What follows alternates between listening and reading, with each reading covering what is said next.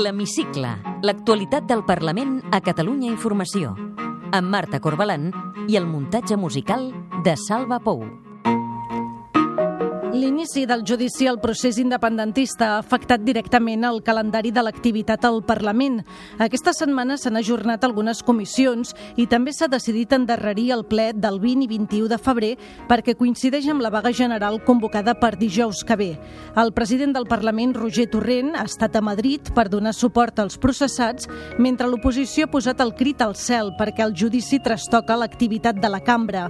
Ciutadans fins i tot ha demanat la dimissió de Torrent. Benvinguts a l'Hemicicle. L'Hemicicle, l'actualitat del Parlament a Catalunya Informació. Roger Torrent ha anat aquesta setmana a Madrid. Ha volgut estar al costat dels processats, tot i que no ha pogut entrar a la sala del judici perquè hi haurà de declarar com a testimoni. És un dia de tristor, un dia dolorós, però també un dia de dignitat, de dignitat democràtica. La desconvocatòria d'algunes comissions per l'inici del judici ha indignat els grups de l'oposició.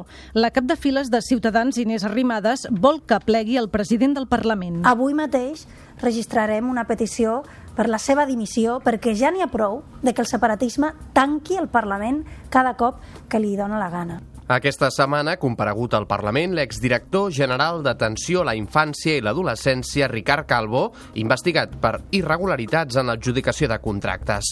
Calvo ha defensat la seva gestió al capdavant de la Dgaia. No he participat en cap mesa d'adjudicació. Recordar-los també que el meu vistiplau era un element de control intern administratiu sense vinculació jurídica. I avui comencem a l'hemicicle una sèrie de reportatges per conèixer la gent que treballa al Parlament. A banda dels diputats i diputades, a la cambra hi treballen més de 200 persones que fan feines diverses. Avui parlarem amb... Jo sóc Neus Pinar i sóc transcriptora, porto ara sóc la coordinadora de l'àrea de transcripcions. I avui ens contestaran una frase al qüestionari de l'hemicicle. Pol Givert, diputat del PSC.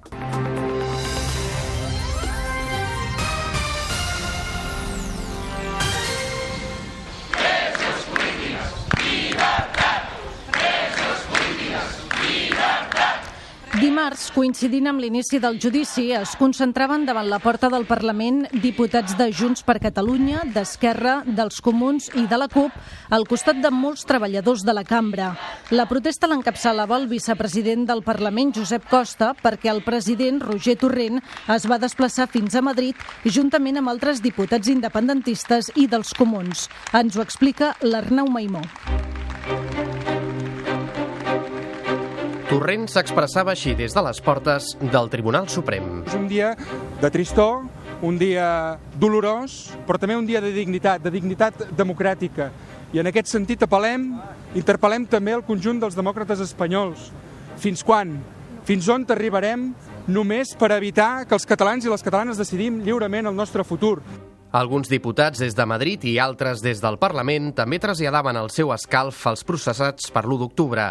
Sentim Eduard Pujol, de Junts per Catalunya, la republicana Marta Vilalta, Susana Segovia dels Comuns i Natàlia Sánchez de la CUP. Avui ens jutgen a tots i per això avui el país s'ha aixecat eh, convuls, s'ha aixecat dolgut, s'ha aixecat fotut i s'ha aixecat trist. Plantarem cara també des dels tribunals i fora dels tribunals per eh, denunciar a tot arreu de que aquí no hi ha delicte està clar que estem assistint a un judici que no s'hauria d'haver produït mai, que segurament serà un dels moments més intensos i més tensos políticament. Donar tota la força i solidaritat des del Parlament també a les persones que estan sent jutjades, als presos i a les preses polítiques, tota la força, solidaritat i que aquest judici es converteixi en un bumerang que cosia l'estat espanyol en aquesta vulneració de drets eh, que estem vivint.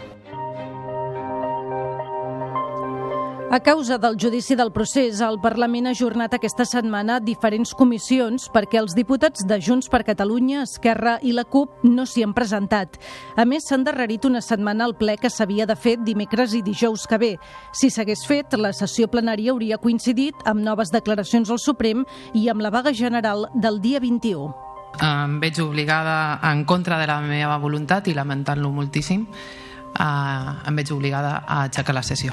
Moltes gràcies. És la presidenta de la Comissió d'Empresa i Coneixement. Per falta de quòrum, suspenia la sessió perquè els diputats independentistes no hi van anar. Era dijous, el dia que declaraven al Suprem Oriol Junqueras i Joaquim Forn. Amb el suport de Junts per Catalunya, Esquerra, els Comuns i la CUP, la Junta de Portaveus també decidia ajornar el ple de la setmana que ve. I això ha provocat la indignació dels grups de l'oposició. Els diputats de Ciutadans han protestat davant les sales on s'havien de fer les comissions, exhibint cartells on es podia llegir Torrent dimissió o no ens callaran. La cap de l'oposició, Inés Arrimadas, creu que Torrent ha de plegar ara mateix. El separatismo ha decidido suspender el pleno de la semana que viene. Insisto, con la ayuda inestimable de los señores de Podemos, de la muleta del separatismo. Pues bien, esto es un auténtico toque de queda totalitario del separatismo para silenciar al constitucionalismo en el Parlamento de Cataluña. Esto es una vergüenza. Des del PP, Alejandro Fernández troba inacceptable que el judici alteri l'activitat del Parlament. No podem tenir tampoc un Parlament segrestat per una ideologia, per uns eh, judicis. Per tant, és evident que nosaltres rebutjarem qualsevol intromissió en el que és el correcte funcionament del Parlament de Catalunya, que és el poder legislatiu a Catalunya. Les crítiques també han vingut del grup parlamentari Socialistes i Units per Avançar.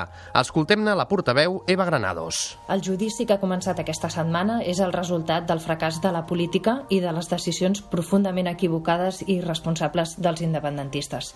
Una irresponsabilitat que sembla que no acaba, ja que els independentistes i els comuns han decidit alterar els acords i modificar els eh, plens aquí en el Parlament i fins i tot aturar les, les comissions. El responia des del matí de Catalunya Ràdio el mateix president del Parlament. 11 dels acusats, dels que seuen al banc dels acusats, o han estat o són diputats del Parlament de Catalunya i no han pogut exercir amb normalitat. I, per tant, a tothom, a tots els 135 diputats del Parlament de Catalunya ens hauria de preocupar que companys nostres, que persones escollides per la ciutadania d'aquest país no puguin exercir lliurement la seva tasca com a representant polític. Això és el que ens hauria de preocupar. A tots. Una de les comissions que s'ha fet aquesta setmana és la d'Afers Institucionals. Junts per Catalunya, Esquerra, els Comuns i el PSC votaven en contra d'una proposta de Ciutadans que demanava rebutjar possibles indults per als processats per l'1 d'octubre en cas de sentència condemnatòria. Només Ciutadans i el PP defensen que en cap cas els líders independentistes no poden ser indultats. Però el debat sobre els indults es van escalfant quan la diputada de Ciutadans, Sònia Sierra, va denunciar que els independentistes socialistes ataquin el seu partit amb pintades grogues. La diputada va fer una comparació que no va agradar gens a Josep Costa, de Junts per Catalunya. Costa demanava al president de la comissió, també de Ciutadans, que cridés a l'ordre a la diputada. Pueden seguir pintándonos de amarillo como hacían los nazis con los judíos, pero les aseguro que no nos callarán. Senyor president, jo li demano que se exigeixi a la diputada que... Per què em demana la paraula en primer lloc? Els diputats s'han de dirigir a l'hemicicli amb un capteniment de respecte pels companys diputats. En a... Entenc que la diputada en cap moment ha faltat el respecte si no ha posat de manifest una situació que és real. Una altra de les comissions que s'ha fet és la de Treball, Afers Socials i Família, on ha comparegut l'exdirector general d'Atenció a la Infància i l'Adolescència, Ricard Calvo, investigat per irregularitats en l'adjudicació de contractes. Calvo ha defensat la seva gestió, mentre l'oposició li ha retret manca d'ètica per haver atorgat contractes milionaris a empreses amb les quals havia estat vinculat. Calvo assegurava que ell no va prendre decisions en les adjudicacions i que simplement donava el vistiplau als contractes acceptats per concurs públic. No he participat en cap mesa d'adjudicació, ni tampoc en cap eh, possible canvi de criteris d'adjudicació o d'avaluació. Recordar-los també que el meu vistiplau era un element de control intern administratiu sense vinculació jurídica. És a dir, els contractes es haguessin adjudicat encara que jo no hagués signat el vistiplau. L'oposició li retreia el retard de la seva compareixença i falta d'ètica. Sentim la diputada Noemí de la Calle de Ciutadans i Raúl Moreno del PSC. Algunos sospechamos que esto es solo la punta del iceberg eh, porque si se habrían metido la mano en la caja de los niños, ¿qué no se, ha, no se habrá podido hacer en otras áreas? Ens sembla que la seva participació ha deixat, diguem-ne, uh, l'ètica de banda i no entro en la professionalitat que jo a vostè li reconec. La Generalitat ha anunciat que es personarà en la causa judicial que investiga l'exdirector de la Dgaia. Ho anunciava la mateixa comissió el secretari general de Treball, Afers Socials i Famílies, Josep Ginesta. Nosaltres també hem fet els tràmits per personar-nos en les causes perquè hi ha interessos molt importants al nostre departament que poden mm, estar vinculades a les causes i per tant doncs, també hi ha interessos eh, a preservar al voltant de tot això. I aquesta setmana el síndic de Greuja, Rafael Ribó, ha entregat al president del Parlament l'informe de la sindicatura corresponent al 2018. Segons aquest informe, gairebé s'han doblat en un any les queixes dels ciutadans per vulneració dels seus drets civils i polítics. Però de les prop de 10.500 queixes totals que ha rebut el síndic, la majoria han estat relacionades amb polítiques socials, com casos de desnonaments o la denegació de la renda garantida de ciutadania. Ribó ha criticat el paper de l'administració voldríem posar l'accent com és la inadequada resposta de les administracions davant de desnonaments de persones vulnerables. En l'audiència que va tenir amb el president del Parlament, el síndic li va traslladar la seva preocupació per la inestabilitat política.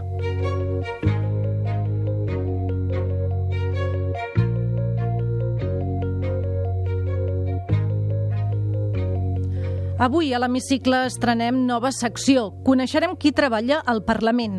A banda dels 135 diputats i diputades, a la cambra hi treballen 224 persones més. Avui en coneixerem una.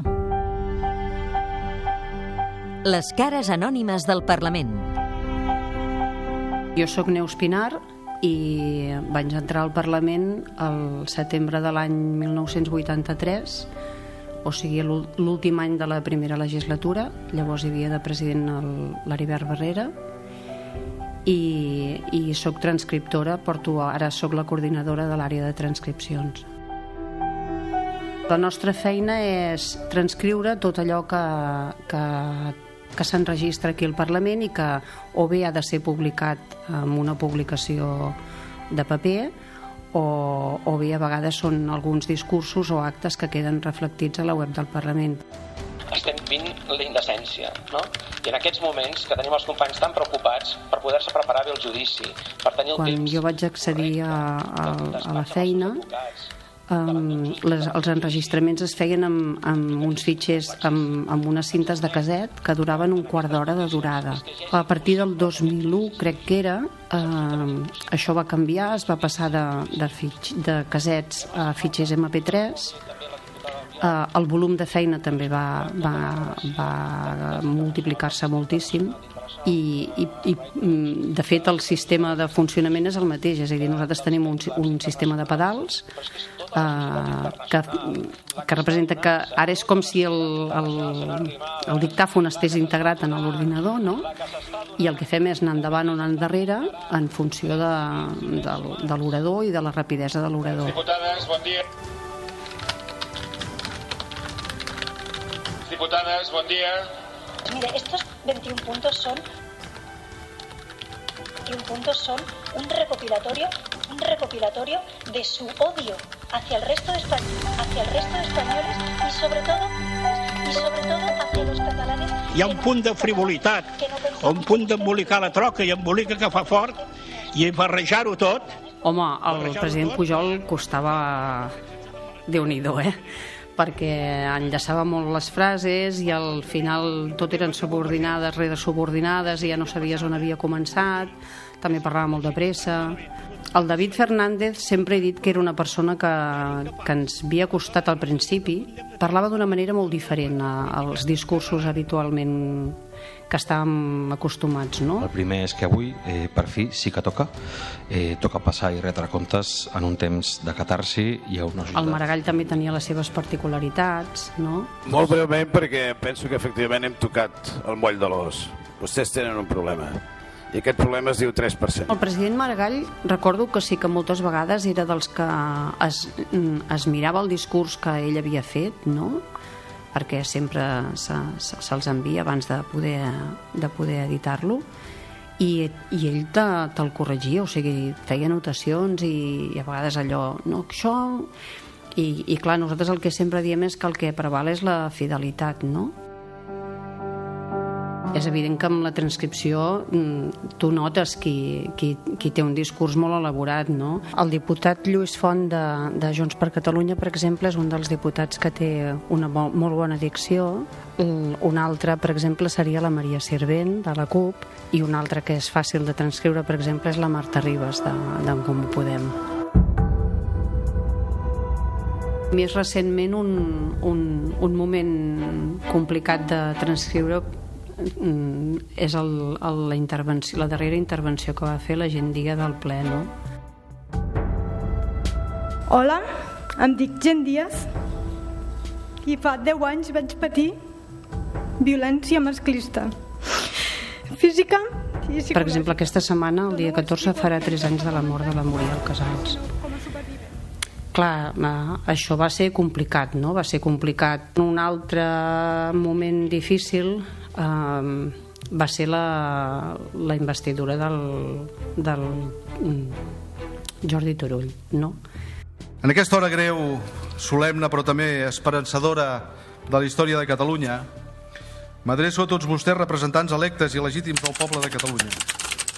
També m'adreço a tots aquells que avui no poden estar amb nosaltres privats de llibertat o fora del país. A tots ells, president Puigdemont, Oriol Junqueras, Quim Forn, Jordi Sánchez, Jordi Cuixart, Lluís Puig, Meritxell Serret, Toni Comín, Clara Ponsatí i Anna Gabriel. L'abraçada més sentida des d'aquest Parlament que expressa la voluntat dels catalans.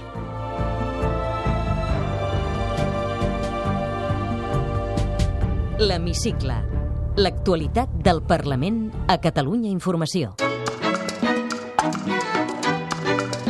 Té la paraula Pol Givert, diputat del PSC.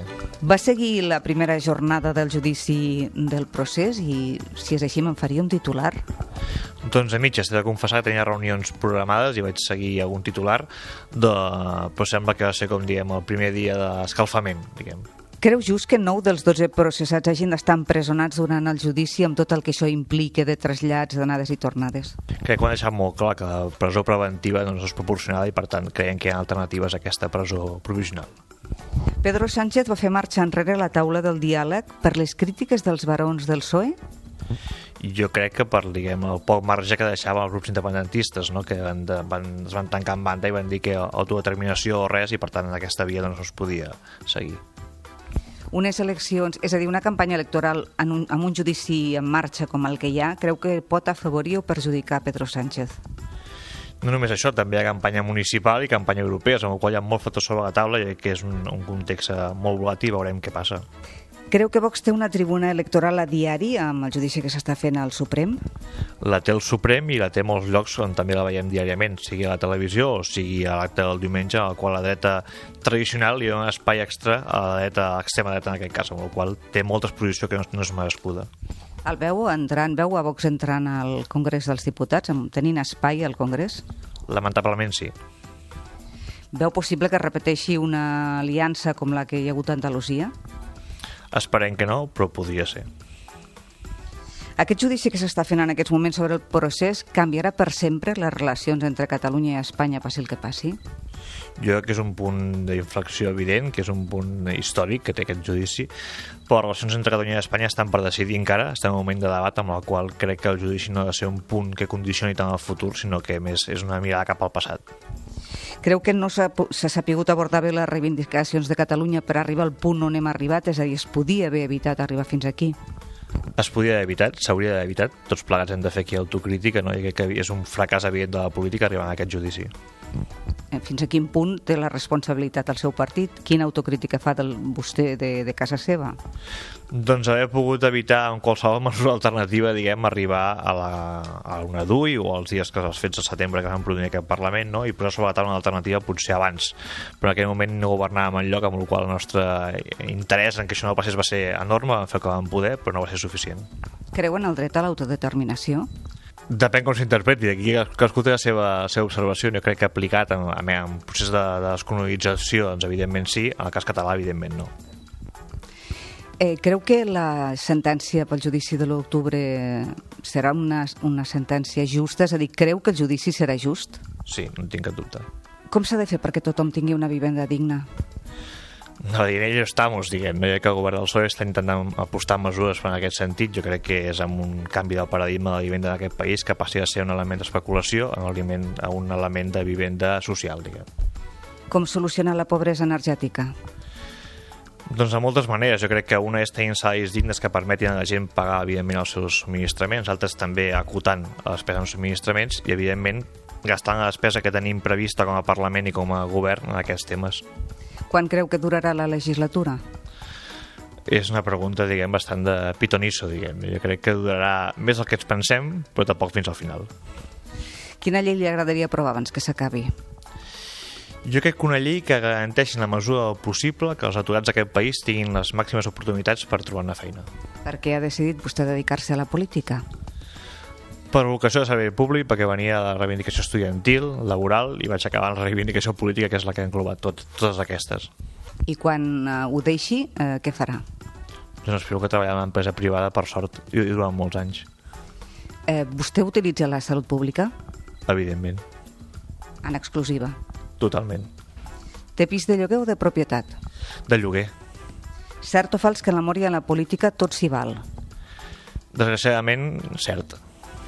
Amb quin diputat o diputada que no sigui del seu grup aniria a dinar i compartiria taula i conversa de forma amigable? Amb molts, per sort. Eh, si em deia dir un, diré menjar Gómez del Moral. Un pecat confessable? El bon menjar. Quin és el seu paisatge preferit? La platja d'Estartit. I els seus hobbies? Córrer, cinema i lectura, no sóc molt original. Quina música l'identifica vostè? Doncs soc molt eclèctic, m'agrada tot tipus de música, des de música catalana actual a música internacional inclús clàssica. Té algun llibre de capçalera que recomanaria? Ara mateix dos, la biografia d'Ernest Lluc i el llibre sobre Trump, que es diu Miedo. Què el fa somriure a vostè inevitablement? Doncs segurament i recentment la cara de la meva filla. Què és el que li fa por? Mm, no està a l'alçada. Creu en l'amor a primera vista? Sí. Completi'm aquesta frase. El que més m'agradaria del món és... Ser, i... ser feliç i fer feliç. Gràcies. A vostès.